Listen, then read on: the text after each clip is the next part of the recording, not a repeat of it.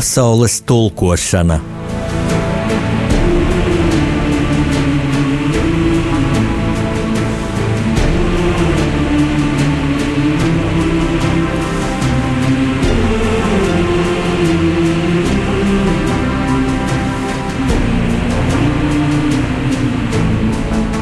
Studijā rakstnieks Jānis Udris.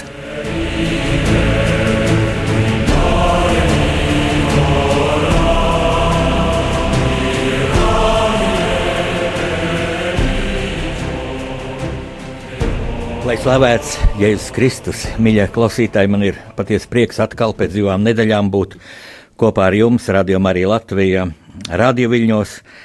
Un man šodien atkal ir daudz sakāmā, mm, būtībā ir tā jāizvēlās, kurus faktus minēt, kurus nē, un te man nāk prātā mana mācītāja, Rīgas Lutera draudzes ilgadējā mācītāja Jūra Rubeņa mm, minētais fakts pirms nu jau diezgan daudz gadiem, kad es tepat netālu no Radio Marija Latvijas studijas Torņkalna baznīcā um, gāju pirms iesvētas lekcijās. Un tad Juris Rubenis mūs pārsteidza mm, ar tādu mm, izpētītu faktu, ka divu cilvēku sarunā, komunikācijā viens otru nu, pilnībā nekad neuztver simtprocentīgi. Tā kā viens teica, otrs simtprocentīgi tā nekad neuztver. Un to es tā kā varēju arī iztēloties jau pirms tam. Ja mēs bieži citu citu pārtraucam, neklausāmies, kāds iejaucas sarunā un tā tālāk. Un tā tālāk. Bet mācītājs Rūbenis minēja faktu, ka, ka vidēji cilvēki viens otru mm, tā pareizi, precīzi uztver par 40%. Lūk, tas bija satriecoši par 40%, tad mazāk kā pusi es uztveru tieši tā, kā tas teiciens bija domāts. Nu, ja ļoti mm, gudri cilvēki, ļoti toleranti, ļoti uzmanīgi runā, tad šis pētījums rāda, tad uztver par 60%. Nu, varbūt fantastiski veiksmīgos gadījumos par 80%, nu par 100% nekad. Acīm redzot, tā ir cilvēka e, būtība, cilvēka uztveres spēja iekārtot. Diemžēl mūsu dienās es esmu ievērojis, ka mēs uztveram viens otru, es nezinu, nu, labākajā gadījumā par 20%, 10%, bet ļoti bieži mēs uztveram otru cilvēku par mīnus 10, mīnus 20, mīnus 50, varbūt pat mīnus 100%. Tu tur pieminēji vienu politiķi. Un, un nepateici kaut kādu rupjību, nu, tad jau tu viņu slavē, lai gan patiesībā es varbūt viņu kritizēju. E, ļoti bieži tā ir, tikai es to darīju korektā formā. Lūk, es ceru, ka Radio Marija Latvija auditorija. Un mūsu vērojumi arī rāda, ka jau ar pirmajiem pastāvēšanas gadiem izceļas ar uzmanīgu klausīšanos, ar toleranci. Un savukārt mums, programmu veidotājiem, vispirms jau man, kā rakstniekam, un arī gados vienam no vecākajiem vai visvecākajiem no šo programmu veidotājiem, tad ar lielāko dzīves pieredzi uzliek milzīgu atbildību runāt precīzi, tā lai nebūtu pārpratumu. Jo šodien informatīvā telpa ir ārkārtīgi labvēlīga pārpratumiem un tādām fake ziņām, aplamām ziņām, negācijām. Pēdējā laikā pat tā kā modē ir nākusi Latvijas valsts noķēngāšana, kas dažkārt nāk no cilvēku nu, neaudzinātības, kaut kādiem mazvērtības kompleksiem, neapmierinātības pašam ar savu dzīvi, ar savu veikumu un nespējas atrast spēku. Mm, rast to risinājumu pašam sevī, veidot savu dzīvi savādāk. Nu, un, protams, ir jārēķinās ar hibrīdu kara apstākļiem, kad gluži vienkārši Latvijā tiek masveidīgi iefiltrēta no vienas lielas, nedraudzīgas kaimiņu valsts uh, Latvijai kaitīga informācija, kas, eh, kas indē mūsu cilvēku apziņu. Eh, es to saku tieši šodien tādēļ, ka man ir jārunā par diviem ļoti svarīgiem notikumiem, ko es sāku analizēt jau pagājušajā raidījumā pirms divām nedēļām. Tad, tad septembris atnāca, un nu jau tūdaļ būs pagājis ar divām mm, Latvijas vēsturē nozīmīgām jubilejām. 4. septembrī apritēja 140 gadi kopš e, dzimis Kārls Ulmanis. Es domāju, visvairāk Uh, publiskajā telpā diskutētā pagātnes politiķa vārds tas ir, un arī visproblemātiskākais, teikt, visdramatiskākā Latvijas politiķa vārds - Kārlis Ulmanis. Uh, šī jubileja pagāja klusākais bija domājis, un uh, klusāk Diemžēl es to teiktu tādā nozīmē, ka bija maz, maz tādu mm, dziļu, nopietnu diskusiju par Ulmaņa mm, nu, pretrunīgo, ļoti diametrāli pretēji vērtēto lomu Latvijas vēsturē. Man prieks, ka man bija iespēja piedalīties Latvijas televīzijas raidījumā Nacionālie dārgumi, eh, diskusijā ar diviem vēsturniekiem par Kārlu Ulmani. Eh, prieks, ka šie vēsturnieki bija toleranti, un tāds pats arī centos būt es, kaut mūsu viedokļi brīžiem atšķīrās. Eh, lūk, es domāju, ka tieši Kārļa Ulmaņa jubileja bija pelnījusi tādu atspoguļojumu, kā ļoti dziļa, ļoti nopietna diskusija par Latvijas vēsturi un Latvijas turpmāko ceļu, jo manā pārliecībā, manā dzīves pieredzē tieši uh, mūsu sabiedrības ļoti slikta orientēšanās vēsturē, neprasme vai nevēlēšanās analizēt mūsu vēsturi un jau vairāk mācīties no mūsu vēstures kļūdām. Mm, un tāds kategoriskums, neiecietība pret atšķirīgu viedokli ir pamatā daudzām mūsu šodienas neveiksmēm, un arī mūsu tādam apjukumam nākotnes priekšā jums nav skaidru uh, vērtī, vērtības orientieru par rītdienu. Mums nav skaidras, mūsu politiķiem nav skaidras Latvijas ekonomiskās un, es teiktu, ideoloģiskās nākotnes perspektīvas, nav tāda, tādas vīzijas, kā mums virzīties tālāk. Nu, un otra jubileja 9. septembrī apritēja simts gadi kopš dzimis Leitnants Roberts Rūbens, Latvijas armijas leitnants, kurš kļuva par nacionālo varoni otrā pasaules kara laikā, kur vārds ir cieši saistīts, vārds dzīve cieši saistīta ar Kārļa Ulmaņa politiku, jo Lietnants Rubens dzima 1917. gadā, nu gandrīz vienā laikā ar Latvijas valstu. Viņam bija viens gadiņš, kad tika proklamēta Latvijas valsts. Un viņš auga mm, reizē ar mūsu valsti, kā bērns, cieta trūkumu, bieži vien badu, jo Latvijas valsts tika dibināta Pirmajā pasaules karā izpot, izpostītā zemē. Mūsu tēvu tēvi e, līda līdumus, pirms tam aizbarot tranšejas un novācot zaloņdrādus bijušo kauju vietā. Roberts Rubens mācījās Malnavas lauksaimniecības skolā, un mācību laikā viņš izcēlās savu Eh, savu vienaudžu vidū ne tikai ar eh, labām sekmēm un labiem rezultātiem sportā, jo viņš bija ļoti spēcīgs, veselīgs, vitāls lauku puika, saimnieks dēls. Bet arī ar dziļu patriotismu. Un viņš jau skolā vadīja skolas, tādu patriotisku skolēnu organizāciju. Viņam bija bija dažādi attribūti šīs organizācijas, maz duncīts, un viņi deva uz vērestu. Viņš auga dziļā patriotismu garā, un kad pienāca laiks obligātajam kara dienestam Latvijas armijā, tad viņš sākumā dienēja Siguldas kainieku pulkā, bet ar to viņam bija par maz būt parastam karavīram, un viņš iestājās virsnieku skolā, karskolā, pabeidza pātrināt kursu un kļuva leitnants. Un nevis parasts leitnants, bet autotanku pulka, pēc tam to nos, nosauc par brigādi, autotanku brigādes mm, tanka komandieri. Un te es tūdaļ gribu teikt, ka mm, lūgt jūs klausītāji tā drusiņi pārvarēt stereotipus, kas ir radušies padomju okupācijas laikā, kad bija tā nu, gan ideoloģiski uzdots, gan arī daudz mākslas darbinieku to tīri labprāt pildīja. Šo uzstādījumu tā paņirgāties par Latvijas valsti, par Latvijas armiju. Uh, un te daudziem, kad piemin Latvijas armiju un īpaši tankus, laikam acu priekšā nostājas uh, filma Ceplis. Tūdaļ teikšu, brīnišķīga filma.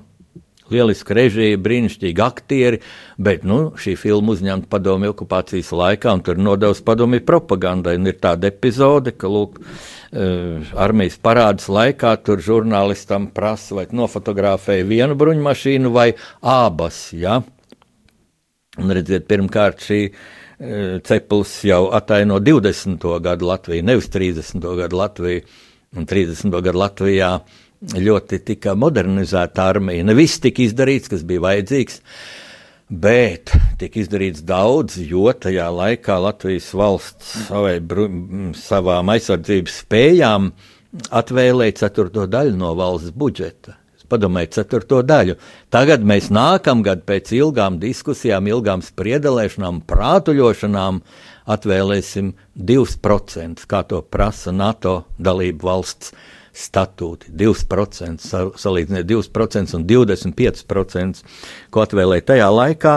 Un viens no moderniem bruņojumiem bija arī angļu vikers tanki. Nelieli, viegli tanki, kur komandā bija divi cilvēki, komandieris nu, un vadītājs mehāniķis. Un šis komandieris kaujas laikā darbojās ar ložmetēju.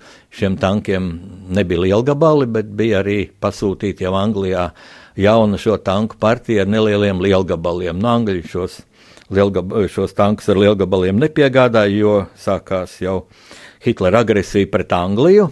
Un uh, Angļi gluži vienkārši neizpildīja pasūtījumu, kaut bija jau nauda samaksāta. Tāpat Latvijas armija nesaņēma lielāku partiju, modernu angļu iznīcinātāju. Nu, bet pienāca 1940. gada 17. Mm, jūnijas. Latvijā tātad pēc padomi ultimāta, ļoti nekaunīga, cinisku ultimāta, sāk ienākt padomi karaspēks un mm, Kārļa Ulmaņa. Mm, Tātad eh, pozīcija bija nevien samierināties ar to, bet pat aizliegt armijai, jeb kādu pretoties mm, šai svešai armijai. Un 17. jūnijā Kārls Ulmans teica radio runu, kurā lūk pavēstīja, ka eh, tas ir draudzīgs kaimiņu valsts karaspēks. Un, uh, un tas ir jāuzņem ar draudzību, un kas notiek saskaņā ar savstarpējo līgumu, un tā tālāk. Nu, tie bija meli. E, diemžēl man tas ir jāatzīst, jo, nu, lai cik rūkta būtu patiesība, tā ir jāsaka. Un arī ļoti skumīgi, ka Kārlis Ulmans savu runu beidz ar vārdiem: Es palikšu savā vietā, vietā jūs palieciet savās vietās. Mm.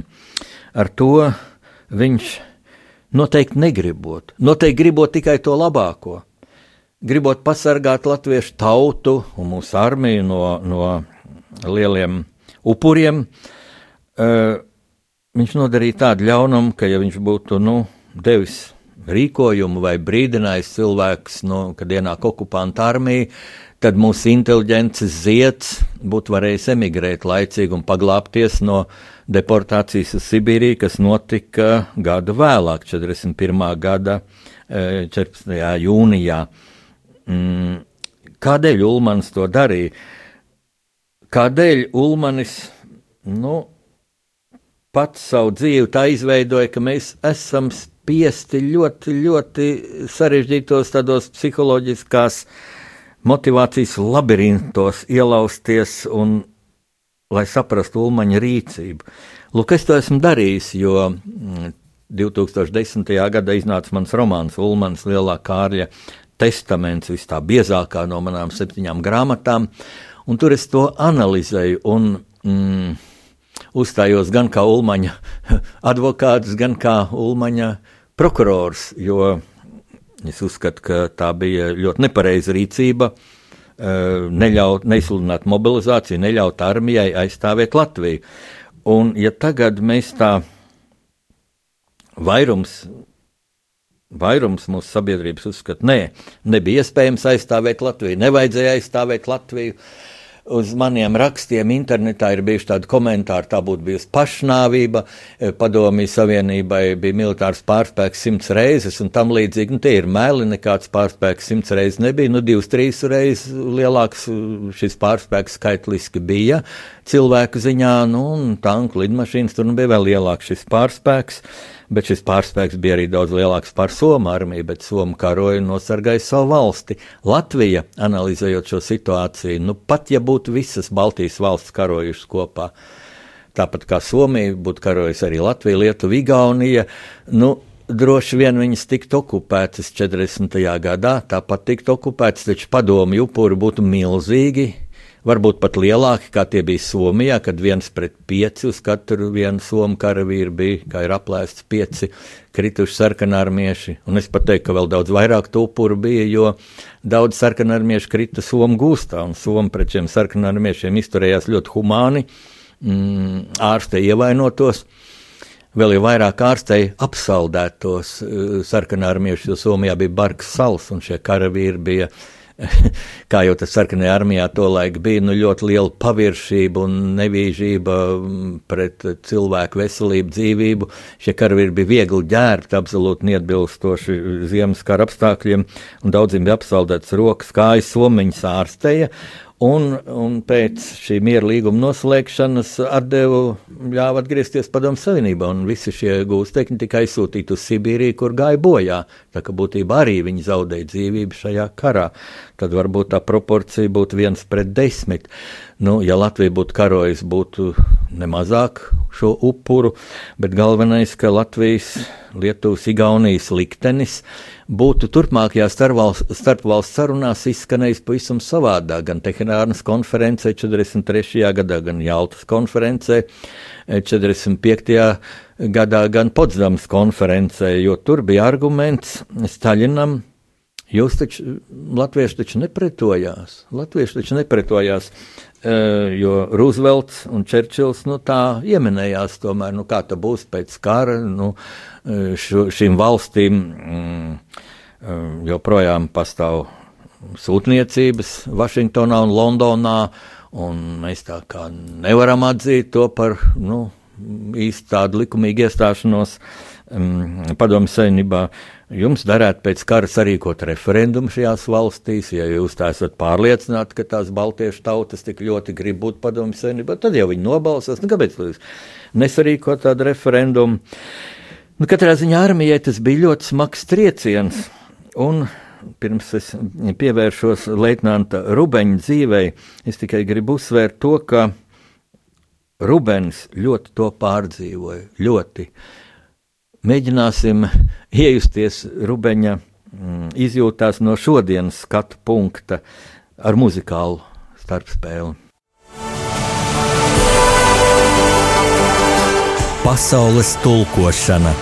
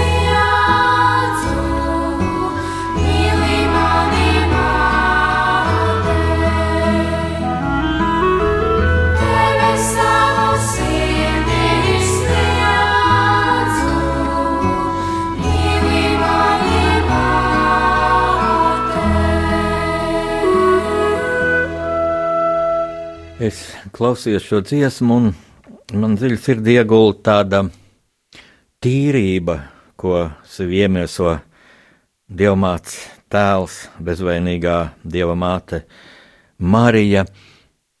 man šodien grūts uzdevums, kā bieži manā rakstnieka pārunu stundā pasaules tulkošana, um, analizēt politiskus notikumus, kā tie atbalsojas cilvēku dvēselē. Man ienāca prātā, klausoties šo dziesmu, ka ļoti bieži varbūt notikumi izvērš tik traģiski, pat sākas kari, asiņainas kaujas, terorakti, tādēļ, ka mm, šī motivācija agresīvi rīkoties nav dvēseles diktēta, tā ir prāta apsvēruma diktēta, un prāts, prāts jau ir tikai dvēseles kalpībā, vai kā teica Svētais Augustīns, kad cilvēkam atbilde uz svarīgākiem jautājumiem ir dvēselē. Prāts tikai piemeklē argumentus, un prāts ļoti bieži mūs aizved neceļos. Mums liekas, ka jārīkojas tā, kā ir izdevīgāk. Nu, un atgriežoties pie, es teiktu, Latvijas traģiskākā politiķa Kārļa Ulmaņa, jāteic, jā, Ulmanim tobrīd likās, ka tas ir vispareizākais ceļš nepretoties. Mm, ka tad latviešu tauta tiks pasargāta no upuriem. Un, diemžēl šo koncepciju turpina šodien uh, daudz vēsturnieku un daudzi politiķi un gluži vienkārši cilvēki, kas negrib iedziļināties vēstures notikumos un internetā raksta mm, tādus nepārdomātus komentārus. Tā būtu bijusi pašnāvība un tā tālāk. Man liekas, ka nepratoties tas bija kaut kas līdzīgs morālai pašnāvībai, jo mēs atdevām okupantiem savu armiju, atbruņotu, bez iespējām pretoties saplosīšanai.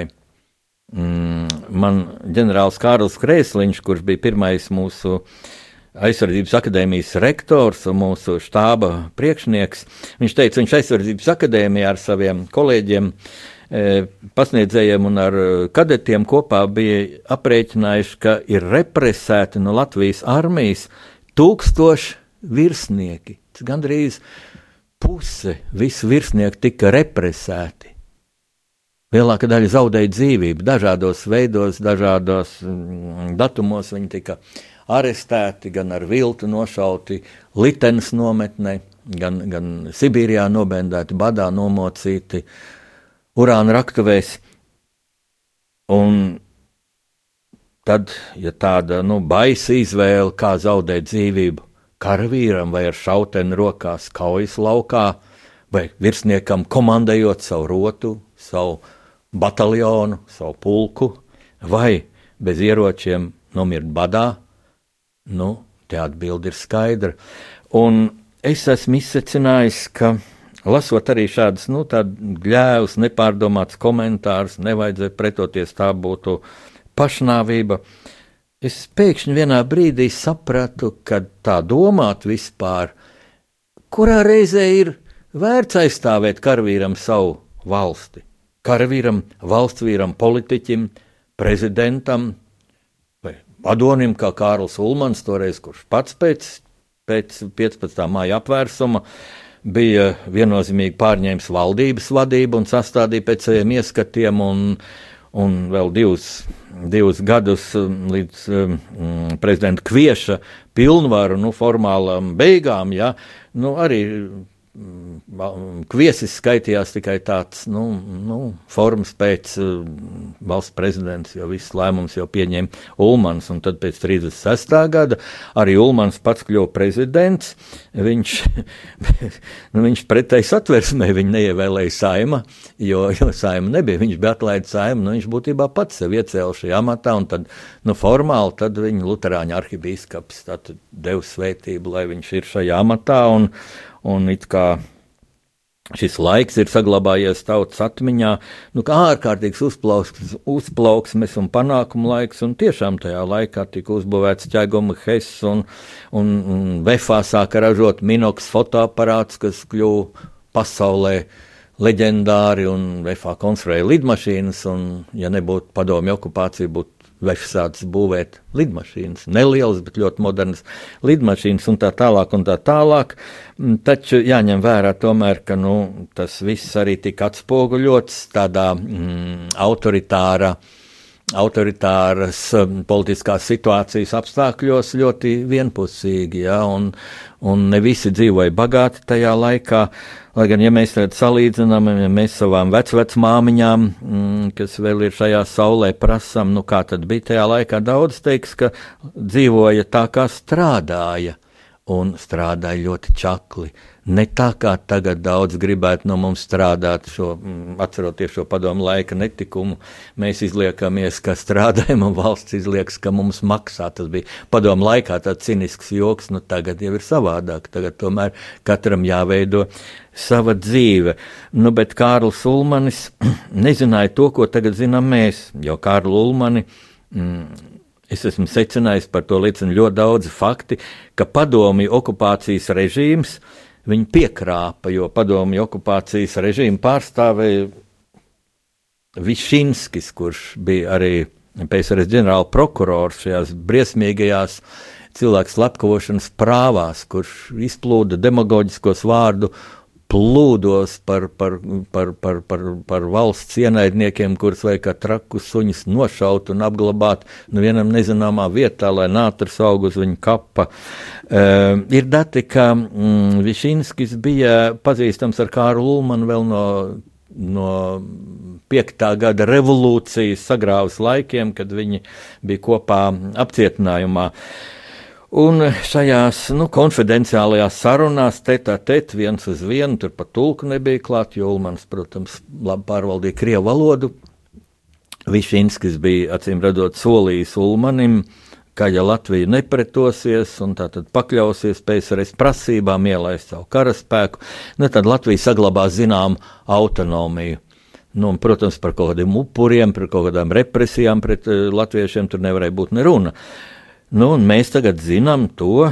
Mūsu skolēni zina, vismaz vajadzētu zināt, ja viņiem ir labi vēstures skolotāji, vismaz godīgi vēstures skolotāji, vajadzētu zināt, ka šie upuri bija briesmīgi. Nu, es gan zinu, ka daudzās skolās vēsturi māca pavirši, lai man atvainot tās skolas, tie skolotāji, kuri godprātīgi, patriotiski skolotāji, gods un slavu viņiem, bet vēstures stundu ir maz, Latvijas vēsture tiek mācīta, es domāju, nepiedodami maz, Latvijas vēstures stundu skaitu varētu palielināt uz uh, pasaules vēstures uh, rēķina, jo kam vajadzēs lielajā dzīvē, tas tāpat iegūs vajadzīgās zināšanas par citām valstīm, par pasauli bet Latvijas vēsture tai nu vajadzētu būt ļoti skaidrai mūsu jaunajā paudzē. Mm, nu, es, eh, redzot šo lielo problēmu, es uzrakstīju tādu grāmatu pusauģiem, ko nosaucu Latvijas dzīvo vēsturi tīņiem, vai tas literārais nosaukums ir Meldras un Matīs ceļojums vēsturē. Tā ir grāmata par mani, par maniem mazbērniem, kā mēs nokļuvuši tādā laika ceļojumā, kā tas ir zinātniskās fantāzijas, kas literatūrā iespējams, izceļojam visu Latvijas vēsturi. Tur arī ir šī Latvijas okupācija aprakstīta. Nu, bet, eh, kad notika šī nu, ļoti tāda, nu, faktiski netīrā politiskā cīņa un, un, un kad Ulmans bija uh, vienpersoniski ļoti grūts izvēles priekšā, jo pats bija atlaidis parlamentu un tikko viņš prasīja mm, kādiem saviem tuvākajiem mm, cilvēkiem valdībā, nu, nu kā tad rīkoties, tad atbildi bija, bet vadonis taču zina vislabāk. Vadonis taču zina vislabāk, kā mēs iedrošināmies vadoni pamācīt, un tad es iedomājos, tā ir liela, nu, mm, traģēdija, ka cilvēks To labāko gribēdams, jā, novērst tur partiju intrigas saimā, ir atlaidis šo saimu, un tagad ir pilnīgi viens, jā, un viņam vienam ir jāuzņemas atbildība. Es ceru, ka klausītāji tagad jau zina, ka Somijā, vienīgajā valstī pie Baltijas jūras, kur pretojās padomju agresijai, pastāvēja parlaments atšķirībā no Latvijas, Lietuvas un Igaunijas, un tieši parlaments, lūk, izlēma, ka ir jākaro. Prezidents viens tādu lēmumu diez vai būtu pieņēmis, bet to pieņēma parlaments. Un ļoti zīmīgi, ka pirms tam Somijas armijas komandieris Maršals Mannerheims izcils militārais speciālists, viņš bija devis valdībai un parlamentam ziņojumu, ka mīļie politiķi, dariet visu, ko vien varat, lai problēmas ar padomu savienību nokārtot miermīlīgā ceļā, jo mēs, mums nav kapacitāte, lai veiksmīgi karotu ar padomu savienību. Tas ir fakts. Un, lūk, kad nāca šie padomju ultimāti un parlaments nolēma tos nepieņemt, un tad politiķi nolēma lēmumu, mēs karosim, tad Manerheims pakļāvās politiķu lēmumam, jo parlaments tā ir tautas pārstāvniecība, tā tam vajadzētu būt. Mums to jāapzinās, jāapzinās vēlēšana dienā un jāiet balsot. Mēs nedrīkstam balsot ar, kā tautas valoda saka, ar dibeniem, tas ir sēdēt mājās. Ja mēs tā darām, tad mēs nedrīkstam čīkstēt pēc tam, kad, kad mums ir slikti politiķi. Mēs paši esam vainīgi, ka viņi ir tādi. Lūk, Mannerheims karoja, pakļāvās tātad tautas gribai, ko izteica parlaments un karoja.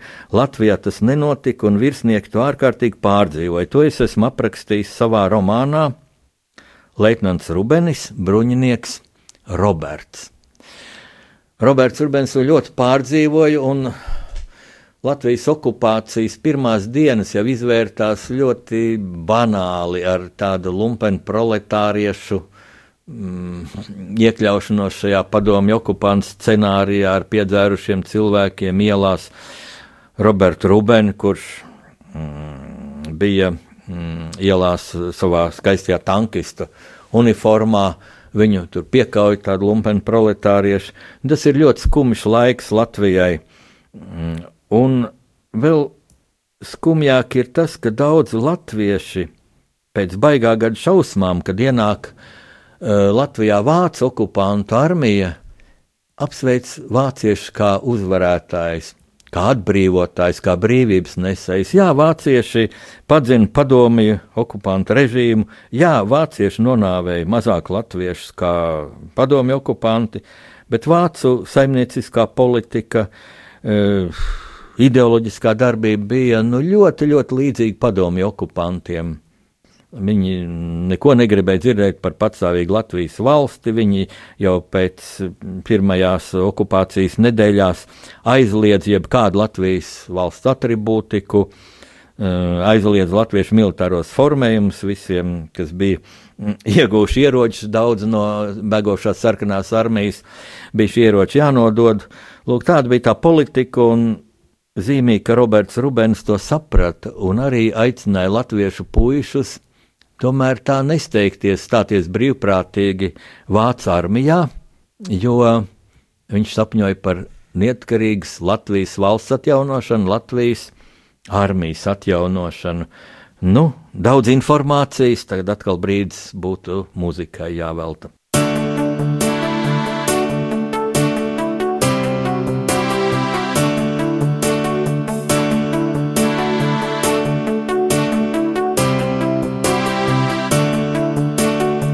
Tā zeme, kura dota ir man, tā arāja rokas gaidām. Šī ir tā zeme, kura dota ir tev, tā darītājiem smaidām. Šī ir tā zeme, kura dota ir mums, tā varoņus pasaulē laidām. Ar vārdiem, kas šūpulī likti, vārdiem, kas zemī auglīgu darām Dievs svētī Latviju. Ar lūkšanu, kas nāk no sirds, kas sāpēs neļauj atkāpties, Dievs svētī Latviju. Ticība Latviju tautā ir likta, jo kungs tava roka vēl pacelta ir pār mums, dārgo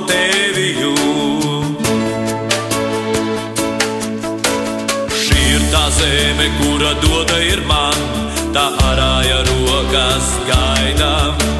Šī ir tā zeme, kura doda ir tev, tā darītājiem smaidām.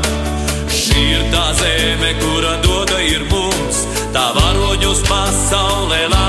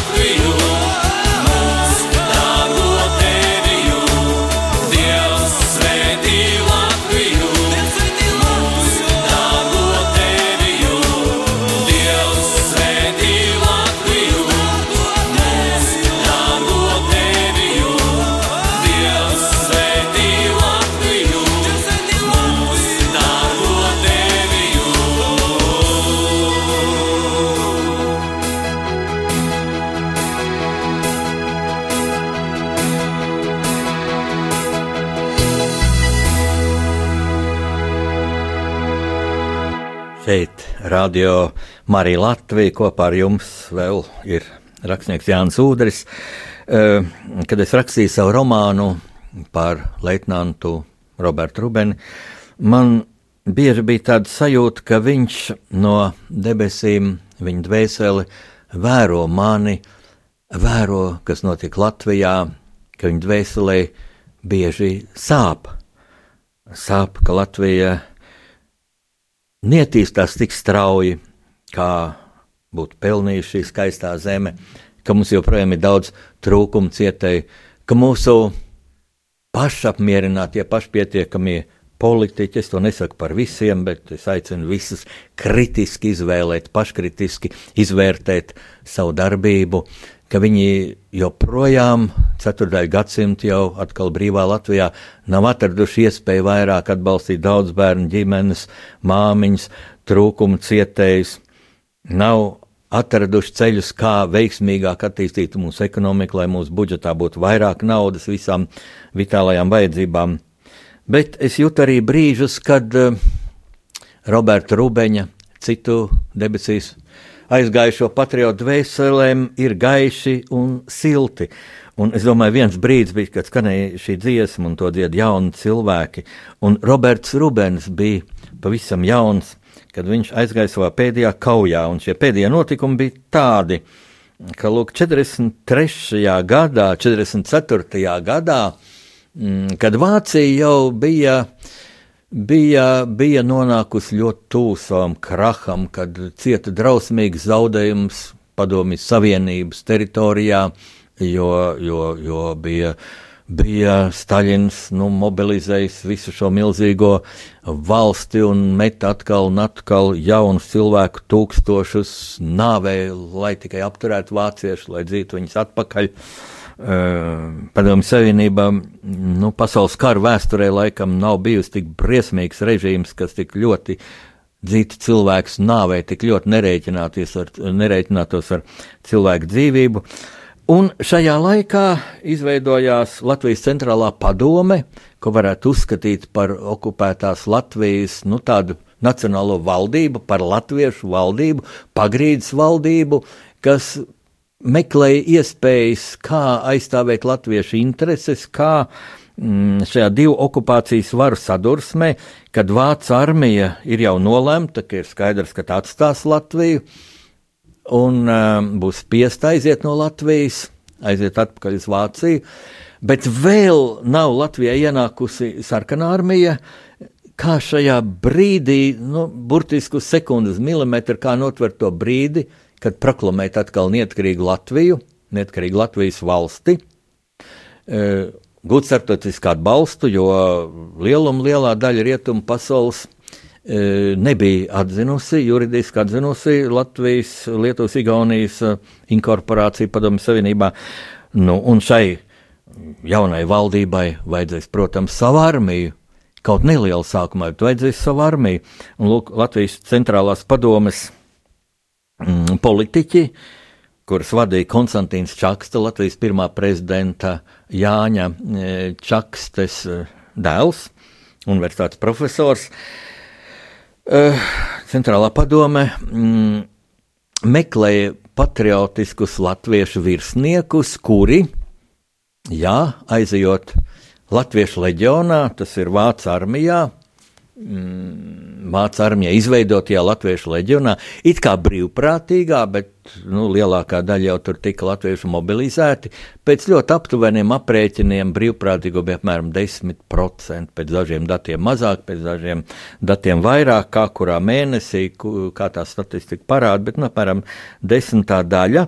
Mm, un lūk, Lat Latvijas centrālā padome mm, latviešu virsniekus aicināja nu, censties iegūt pēc iespējas augstāku komandējošo amatu leģionā, jo leģionā bija divas divīzijas, bet tās komandēja vācieši. Šo divīziju komandēšanu Vācu pavēlniecība neusticēja latviešiem. Nu, augstākais latviešu varēja komandēt pulku, bataljonu, rotu, vadu. Uh, un attiecīgajā brīdī ar labiem ieročiem, jo Vācu armijai bija labi ieroči, tā tad organizēti organizētās kaujas vienībās, jau stāties zem Latvijas karoga un aizstāvēt Latvijas valsts intereses. Un, Protams, tas notika konspiratīvi un nebija plaši izplatīts leģionā. Lielākā daļa leģionāru nemaz nezināja par tādu centrālo, Lat, eh, Latvijas centrālo padomu, Latvijas centrālas padomas mm, vadītāji.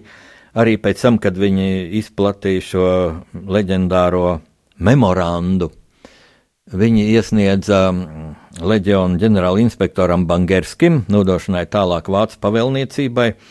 Un tas notika 1944. gada 17. martā, ievērot vienu dienu pēc datuma, kur mēs katru gadu Nu, daudz latviešu atzīmē ar leģionāru, leģionu veterānu gājienu pie brīvības pieminekļa, tādu diskutablu pasākumu, pasākumu, kas, jā, viņš ir patriotisks un, un neviens nevar aizliegt.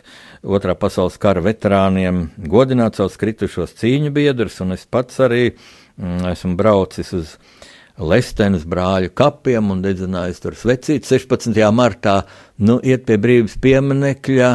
Uh, Nu, diemžēl tas nodara propagandistiski ļoti lielu uh, kaitējumu Latvijas valsts tēlam, jo pat mums ir kā draudzīgās rietumvalsts, Amerika, Anglija, Francija, Zviedrija, Dānija Viņi nesaprot, nu kā tā var iet un godināt karavīrs, kas karoja Vācijas armijā. Un ej, nu katram nolasa lekciju par, par, par Latvijas vēsturi, vai viņš klausīsies, vai viņu tas interesēs.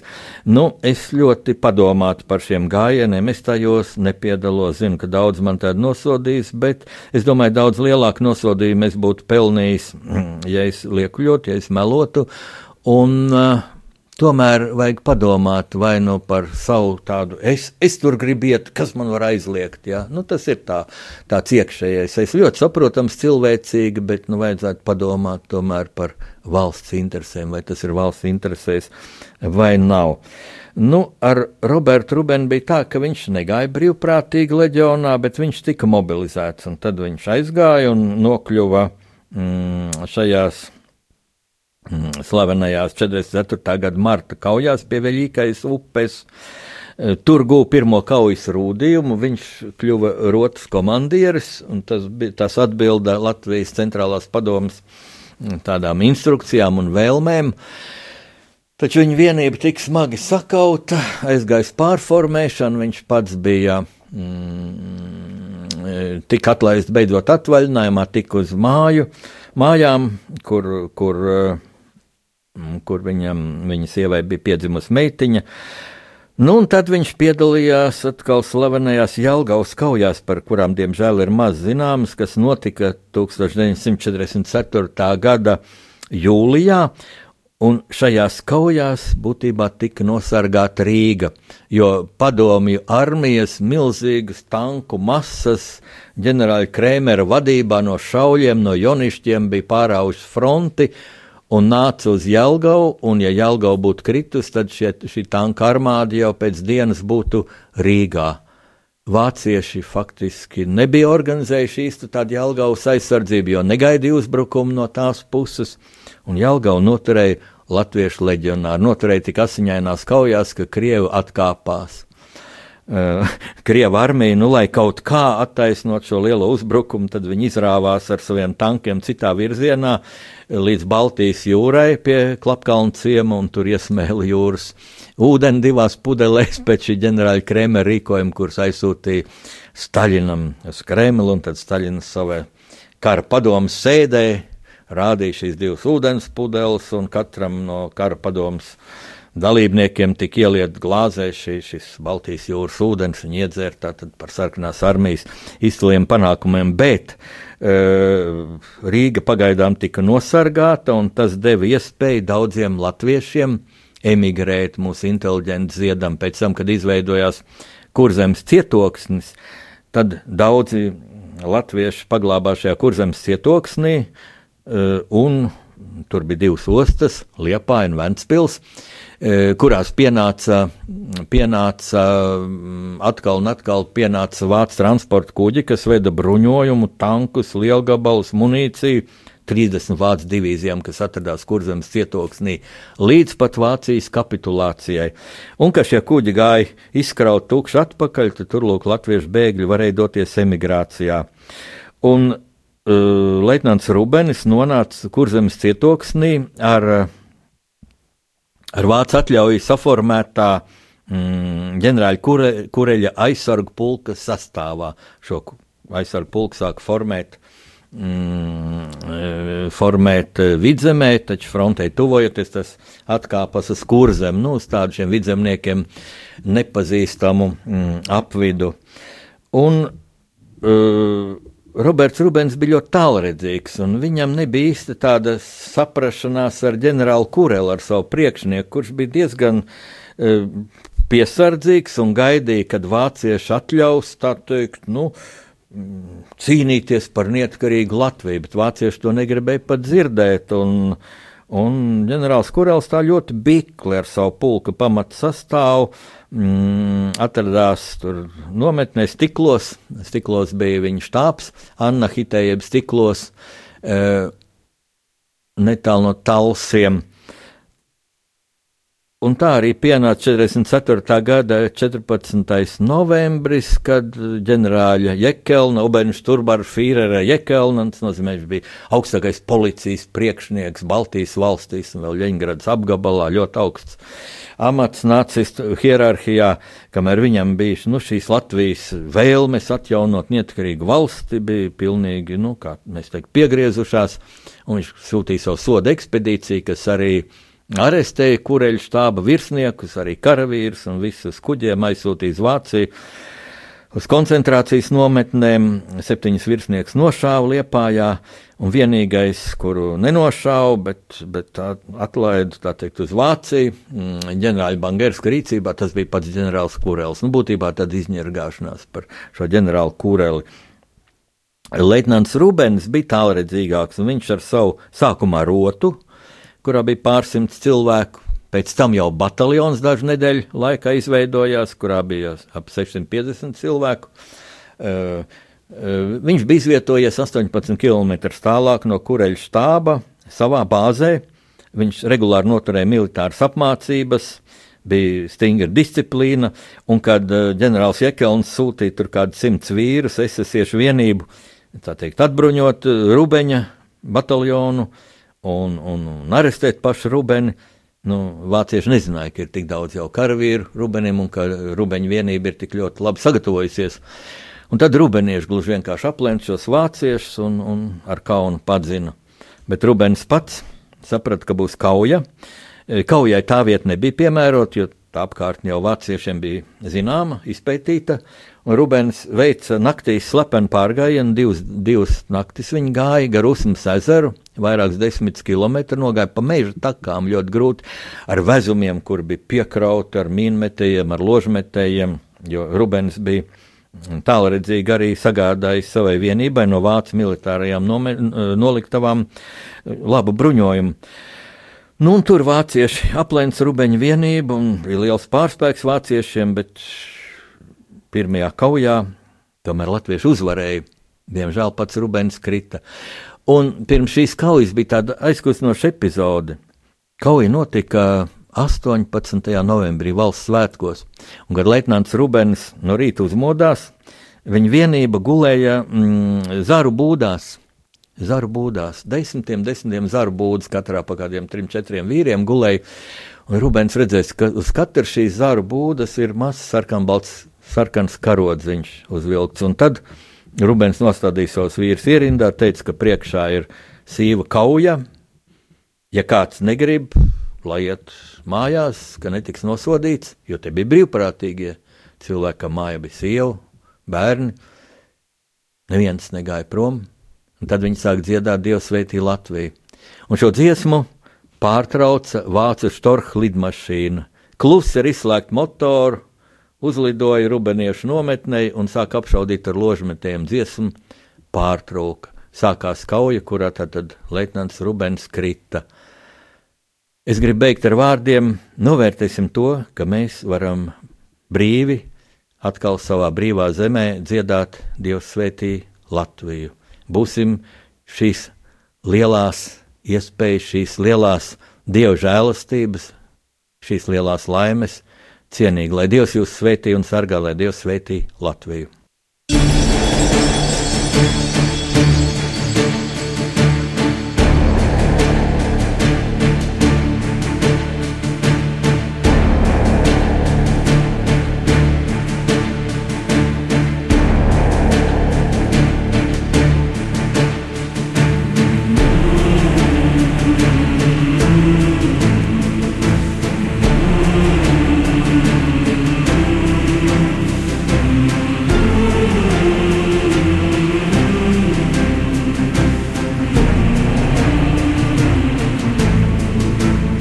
Pasaules tulkošana.